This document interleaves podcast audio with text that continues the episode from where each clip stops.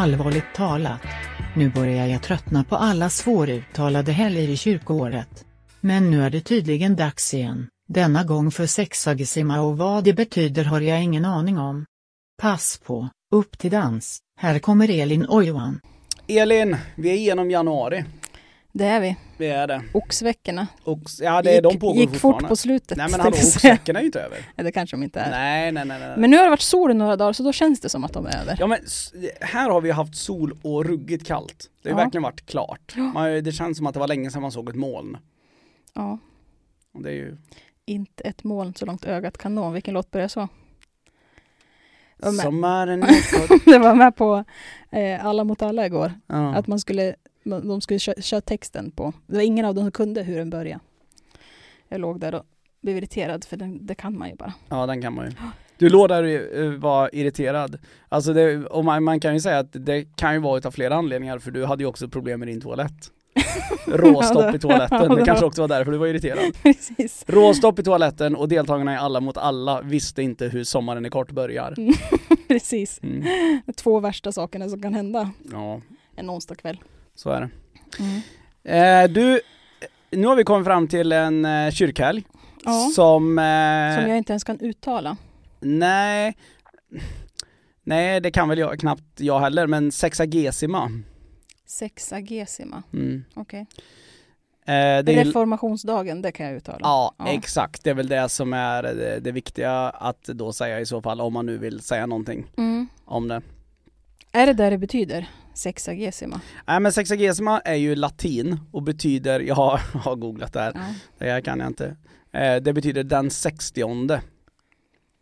Sextionde. Mm. Men jag vet inte vad det Vad är det den sextonde då? Alltså vad, Vadå? den andra söndagen i förfastan. Ja. 56 dagar innan påsk. Men alltså reformationsdagen är ju en kyrkominnesdag som ja, men tillägnas ju reformationen. Som firas en del. Ofta så firas det ju den 31 oktober för det var ju då som Luther spikade upp sina liksom teser Mm. i Wittenberg. Men eh, i Svenska kyrkan, nu läser jag faktiskt in, nu läser jag innantill från Wikipedia. Mm. Före 1889 utlystes ibland en särskild minnesdag för reformationen i samband med jubileer, första gången 1621. Från 1889 fick böndagarna bestämda teman, varav den andra böndagen utsågs till reformationsdagen och firades i maj. I 1894 års kyrkohandbok tillkom en särskild bön för reformationsdagen. I 1983 års evangeliebok avskaffades böndagarna och reformationsdagen lades då samman med sexagesima. Mm. Så uppenbarligen betyder ju troligen sexagesima någonting annat från början. Jag tror att vi släpper eh, den Ja, här i grejen för jag tror inte vi kommer komma fram så jättemycket till mer än det. Men eh, finns det någon, eh, troligen någon präst där ute som vill klappa till oss på fingrarna så är man ju hjärtligt välkommen. Ja, ja, ja. Berätta. Ja, Då kommer vi- så mycket de vill. Oj vad de får slå. Mm. Vad, Ja, jag har ju som vanligt inte kollat på texterna så jag vet inte, ska vi bara ta en eller? Nej men det, det har vi ju aldrig någon av oss utan vi har ju, vi, vi, vi, tanken är ju med det här att vi bara sätter oss men Mm. alltså temat är ju det levande ordet. Mm. Ehm, jag tycker att vi eh, ska läsa evangelietexten den Ja, här jag var också veckan. lite, jag det, på den här sidan vi är då, då står det som en underrubrik Många tar anstöt och lämnar Jesus. Mm. Det kändes lite intressant ändå. Yes, och då berättas det att eh, evangelisten Johannes skriver så här. Många av hans lärjungar som hörde honom tala sade, det är outhärdligt det han säger. Vem står ut med att höra på honom? Jesus som genast förstod att lärjungarna förargade sig över hans ord sade till dem, får det här er att vackla? Hur blir det då om ni får se Människosonen stiga upp dit där han var förut? Det är anden som ger liv, köttet är till ingen hjälp. De ord jag har talat till er är ande och liv. Men det är några av er som inte tror. Jesus visste ju från början vilka som inte trodde och vem som skulle förråda honom. Och han sa det, det var därför jag sa det er, att ingen kan komma till mig om man inte får det som en gåva av Fadern. Då drog sig många av hans lärjungar tillbaka och ville inte längre följa med honom. Jesus sa det till de tolv, inte vill väl ni också gå er väg? Simon Petrus svarade, Herre, till vem skulle vi gå? Du har det eviga livets ord och vi tror och vi förstår att du är Guds helige. Mm. Vad, vad är din liksom spontana känsla när jag läser det här Elin? Vad händer i kroppen på dig? Jag gick tillbaka lite grann Mm. eh, under tiden som du läste eh, och kollade liksom, vad hände innan. Och då är, det är ju, då är ju när Jesus eh, pratar om eh, att han är det levande brödet eh, och att det är han de ska lev, leva av. Liksom. Mm. Eh, och hur de börjar tvista om hur han skulle kunna ge sitt kött. Ja. Och det... Nej men det, på ett sätt så är det ju inte så konstigt att, att de tycker att det är outhärdligt det han säger. Alltså vem står ut och lyssnar på det här? För att det är ju obegripligt. Och vi vill ju gärna förstå det vi, det vi hör. Mm. Eh, och ja, men det tänker jag att alltså, jag kan nästan känna igen mig i. Att om någon pratar för obegripligt, Mm. då har jag mycket lättare för att bara stänga av och bara det här är outhärdligt, det här, det här pallar inte jag längre. Eh, istället för att försöka börja nysta i och försöka förstå vad är det han menar egentligen. Då. Just det. För det är ju en jättekonstig grej det här med inkarnation Mm. och eh, att bröd, bröd och vin eller kött, att, att liksom Jesu kropp och det är klart att det var konstigt att förstå för dem. Mm. Vad tänker du då? Nej men jag, jag tänker, eh, det som jag fångar i, Mm. det är eh, verserna som är i mitten lite här. ehm, där det är anden som ger liv, köttet är till ingen hjälp. Mm. De ord jag talar till er är ande och liv. Mm. Alltså någonstans så tänker jag, eh, det jag får som en liksom association på en gång, det är att han har pratat om sin kropp som kött och blod, men han menar att det är ande och liv. Mm. Att Kristus är, Jesus är liksom fullt ut ande och liv. Mm. Och det jag tänker, det är att hur många ord som talas till oss är inte ande och liv. Mm. Men sanningen att säga, ande och liv är oftare outhärdligt att lyssna på än det som handlar om kött. Jag funderar Mm. på utifrån mitt eget liv, hur mycket, när jag umgås med människor, hur mycket utav mina ord är ande och liv och hur mycket är kött. Alltså jag är ju en person som, Ja, men med kött då menar du liksom fysiskt eller menar du jords, världsligt? Eller? nej men jag tänker nog snarare så här att eh, är det ord som bygger ett liv? Ja, just det. Mm. Eller är det bara tomt tugg liksom? Ja. Ehm, för någonstans så är det så, jag kan liksom referera till mitt eget liv. Jag är en person som, eh, och det, det är synd att berätta för dig, men jag är en person som kan provocera rätt mycket. Jag, jag vill ju vrida och vända på saker och ting. Ja. Väldigt sällan som jag bara säger ja tack och amen. Mm. Eh, och jag märker det i relationer med andra människor så har det ibland blivit väldigt utmanande. Mm. För att jag blir bara så här, varför ska vi sitta och snacka om det här? Det här är ett helt meningslöst ämne. Och så försöker jag vrida det på något vis, provocera lite. Mm. För att jag vill att det ska komma till någonting som formar oss. Mm. Ehm, och hur opopulär man blir. Mm. Det är för många blir ju det outhärdligt att lyssna på. Jo, men sådana som jag som tycker att varför ska vi behöva gräva i det där ens? Släpp Mm. det där. Först- Mm. Vi förstår ju inte. Släpp det. Ja. Nej men och samtidigt så, jag säger inte att det, det jag säger alltid är ande och liv. Det är absolut inte det jag säger. Men det jag menar är att eh, frågan är liksom det där samtalet ytterligare en gång om, om liksom lön eller eh, ny bil eller en renovering eller liksom hur mycket liv leder det till? Mm. Eller beklagan över hur jobbigt det är med barn eller hur dålig förlossningsvården är eller mjau, mjau, mjau, mjau, mjau. Mm. Mm. Hur mycket liv leder det till? Och hur många av våra samtal som vi har med våra medmänniskor leder faktiskt och bidrar med ande och liv.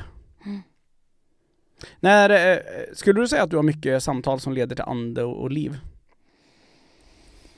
Eh, oj, vilken svår fråga. Jag har liksom inte värderat det så.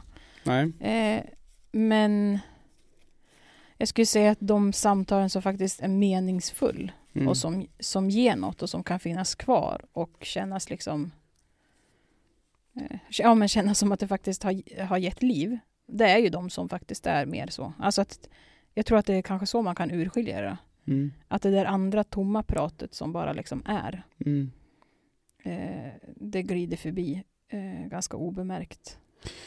Ja, för jag tror att man kan prata om samma ämne Mm. men utifrån olika det akademiska ordet då, diskurser, Mm. liksom med olika vinklar för att komma åt samma sak. Alltså jag har ju refererat någon gång tidigare till, eh, till min kusin liksom och när vi, vi fiskar ut tillsammans, tycker om att fiska mycket och sådär.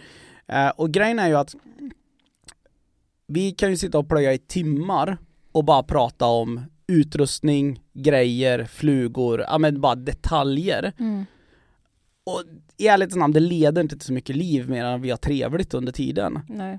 Men när man helt plötsligt där in på småtimmarna, man har inte riktigt fått någon, kanske fått sådär mycket fisk som man önskar, så börjar man bli lite filosofisk ut med vattnet. Mm. Och man pratar om egentligen om exakt samma saker, men helt plötsligt blir det någonting som leder till jag kan referera till någonting som leder till liv. Någonting som bottnar djupare i en. Att liksom någonstans där, det näs, där man nästan men det kanske inte är så mycket samtal om tro på det sättet, men det är samtal om eh, existens Mm. på något vis.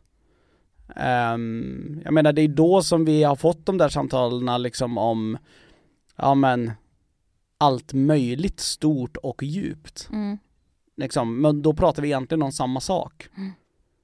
Men det är från vilken vinkel pratar man om det? Mm. Jo, men jag tror att det är viktigt i vilket forum också, liksom, eller att man ger varandra platsen för att, att bli lite mer filosofisk. Ehm. Och det är, inte all, det är inte i alla relationer eller alla situationer som, som man hamnar där Nej. automatiskt. Liksom. Nej, så är det ju. Och där är ju, det, det tänker jag, den här texten är också väldigt tydligt om det. Nu är det ju så, Jesus, eh, det här är på en helt annan nivå. Mm. Men fortfarande så är det ju så, det berättas ju om Alltså då drog sig många av hans lärjungar tillbaka och ville inte längre följa honom. Mm. Precis som du säger, det är inte med alla människor man kommer till de samtalen och skulle man kasta sig in i de samtalen så finns det människor som skulle dra. Mm. De vill inte vara i de miljöerna överhuvudtaget. Man vill Precis. inte liksom, man kanske har en jättehög integritet eller man kanske, det finns ju människor som inte överhuvudtaget är intresserade av, vi har pratat om här innan, eh, idag har vi pratat om eh, det här hjärta och smärta. Mm. Liksom, vad är ens, ens hjärta och vad är ens smärta liksom? Och att där se att alla vill ju inte finnas i de samtalen. Nej. Och det tänker jag, det vittnar ju den här evangelisten om att alla vill inte finnas i det. Nej. Precis. Mm. En annan sak som jag tycker är intressant i den här texten, Mm. det är ehm, Det här är ju en text som bryter rätt mycket med människans fria vilja. Mm. Ehm, att någonstans se Jesus säger ju själv, det är några av er som inte tror. Eh, Jesus visste ju från början i vilka som inte, vi- visste från början vilka som inte trodde och vem som skulle förråda honom. Och han fortsatte, det var därför jag sa det, att ingen kan komma till mig och så vidare.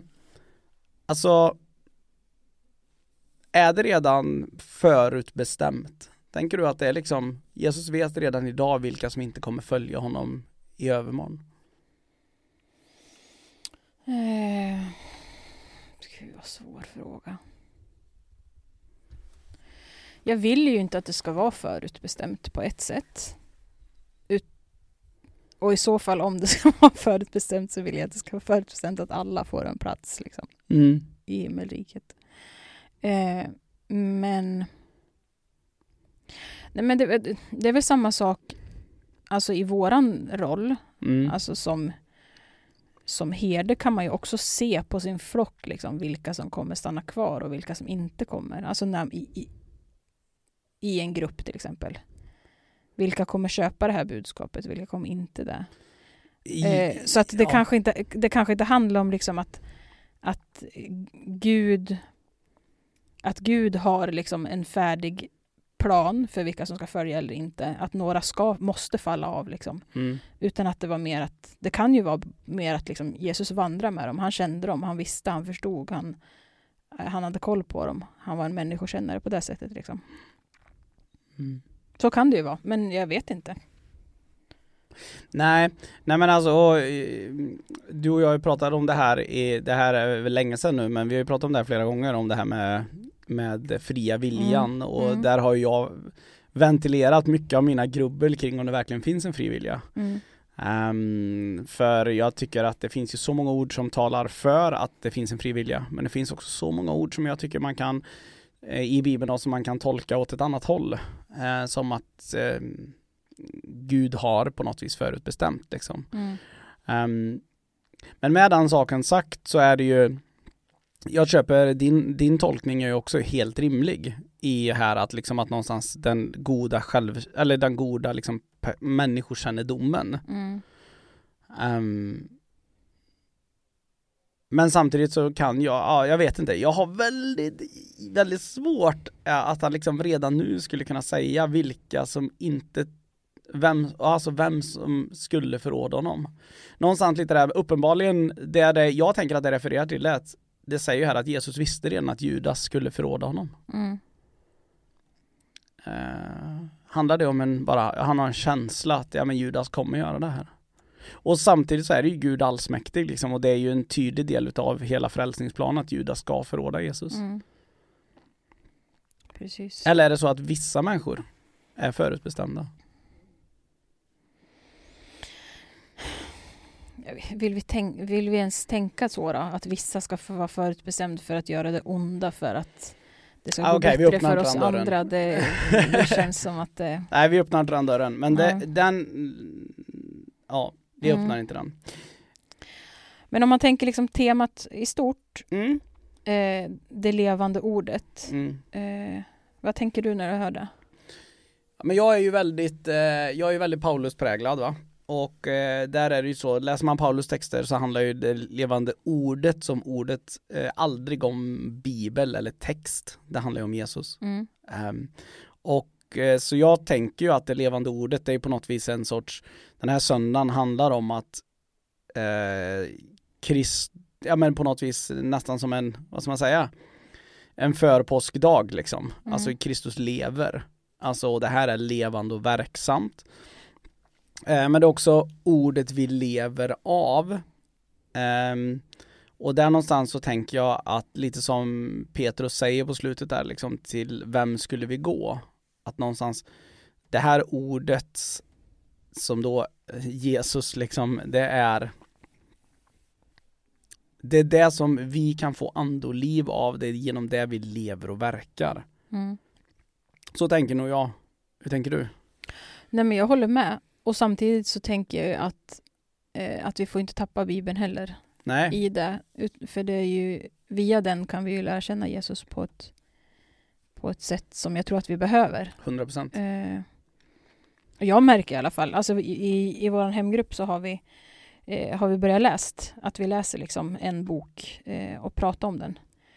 Eh, och hur bibelläsningen, eh, att, att vi liksom tar till oss utav det ordet Mm. påverkar det andra liksom i våra liv 100%. också. 100 procent. Eh, så det är ju, ja jag har lite svårt att liksom hårddra det emellan att, för jag tänker att, att eh, det, ja, Jesus är ordet eh, och vi kan klara oss med bara Jesus men vi får också en större bild av vem han är om vi faktiskt öppnar boken liksom.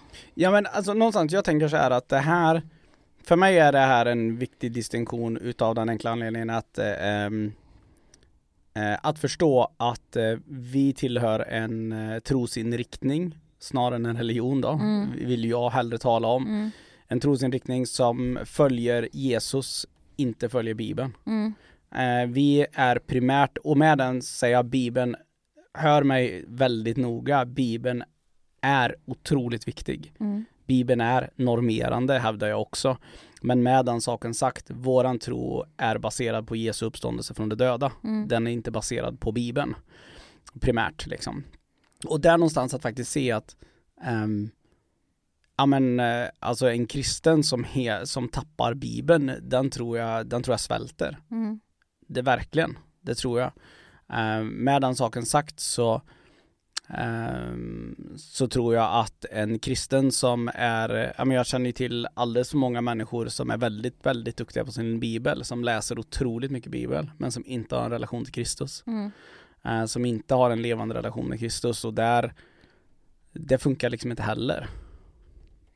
Nej, men det är ju i den där levande relationen där man förstår att Jesus är Guds helige, som det liksom står i texten. Exakt. Eh, som vi också kan förstå på ett annat sätt. Alltså jag tror att relationen till Jesus ger oss ju andra perspektiv. Att han, där han talar in i våra liv idag. Mm. Oavsett om det är via Bibeln eller på något annat sätt. Att det, det är på något vis viktigare för Mm. min tro än, än någonting annat. Mm. En sak jag tycker är intressant med den här texten, Mm. det är att eh, alla tre Guds naturer nämns i den här texten. Alltså det är anden som ger liv, alltså det talar om, om helig ande, det talar om Jesus och det talar om Fadern. Mm. Eh, det är ju inte jättemånga platser där det gör det, eh, liksom eh, passager. Eh, men här så talar det om, och att där någonstans så tänker jag att eh, Petrus ord också på slutet ehm, den tänker jag, det är också en sån otroligt stark bekännelse gentemot Jesus. Mm. Att du är Guds helige. Ehm, Jo, men texten talar ju både om intellekt, intellekt och själ också. mm, Alltså att den, det som man inte förstår med hjärnan kanske man kan förstå med hjärtat liksom. precis. Eh, och det, det är väl kanske det som, som skiljer dem åt då. Att de, de andra som försöker förstå med hjärnan hänger inte med. För det har inte sjunkit ner i hjärtat liksom. Nej, precis. Ja. Mm. Och då går de sin väg istället.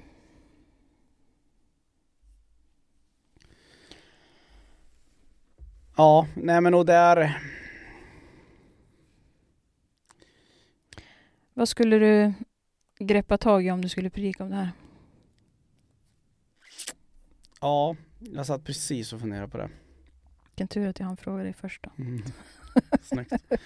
Ehm, jag skulle nog, det som jag sa här när vi väl har tittat på det en stund, pratat om det, så skulle jag nog faktiskt välja att gå på de sista verserna. Det Petrus säger Ja, typ Eller däromkring. ännu. Ja, tidigare. Mm. däromkring.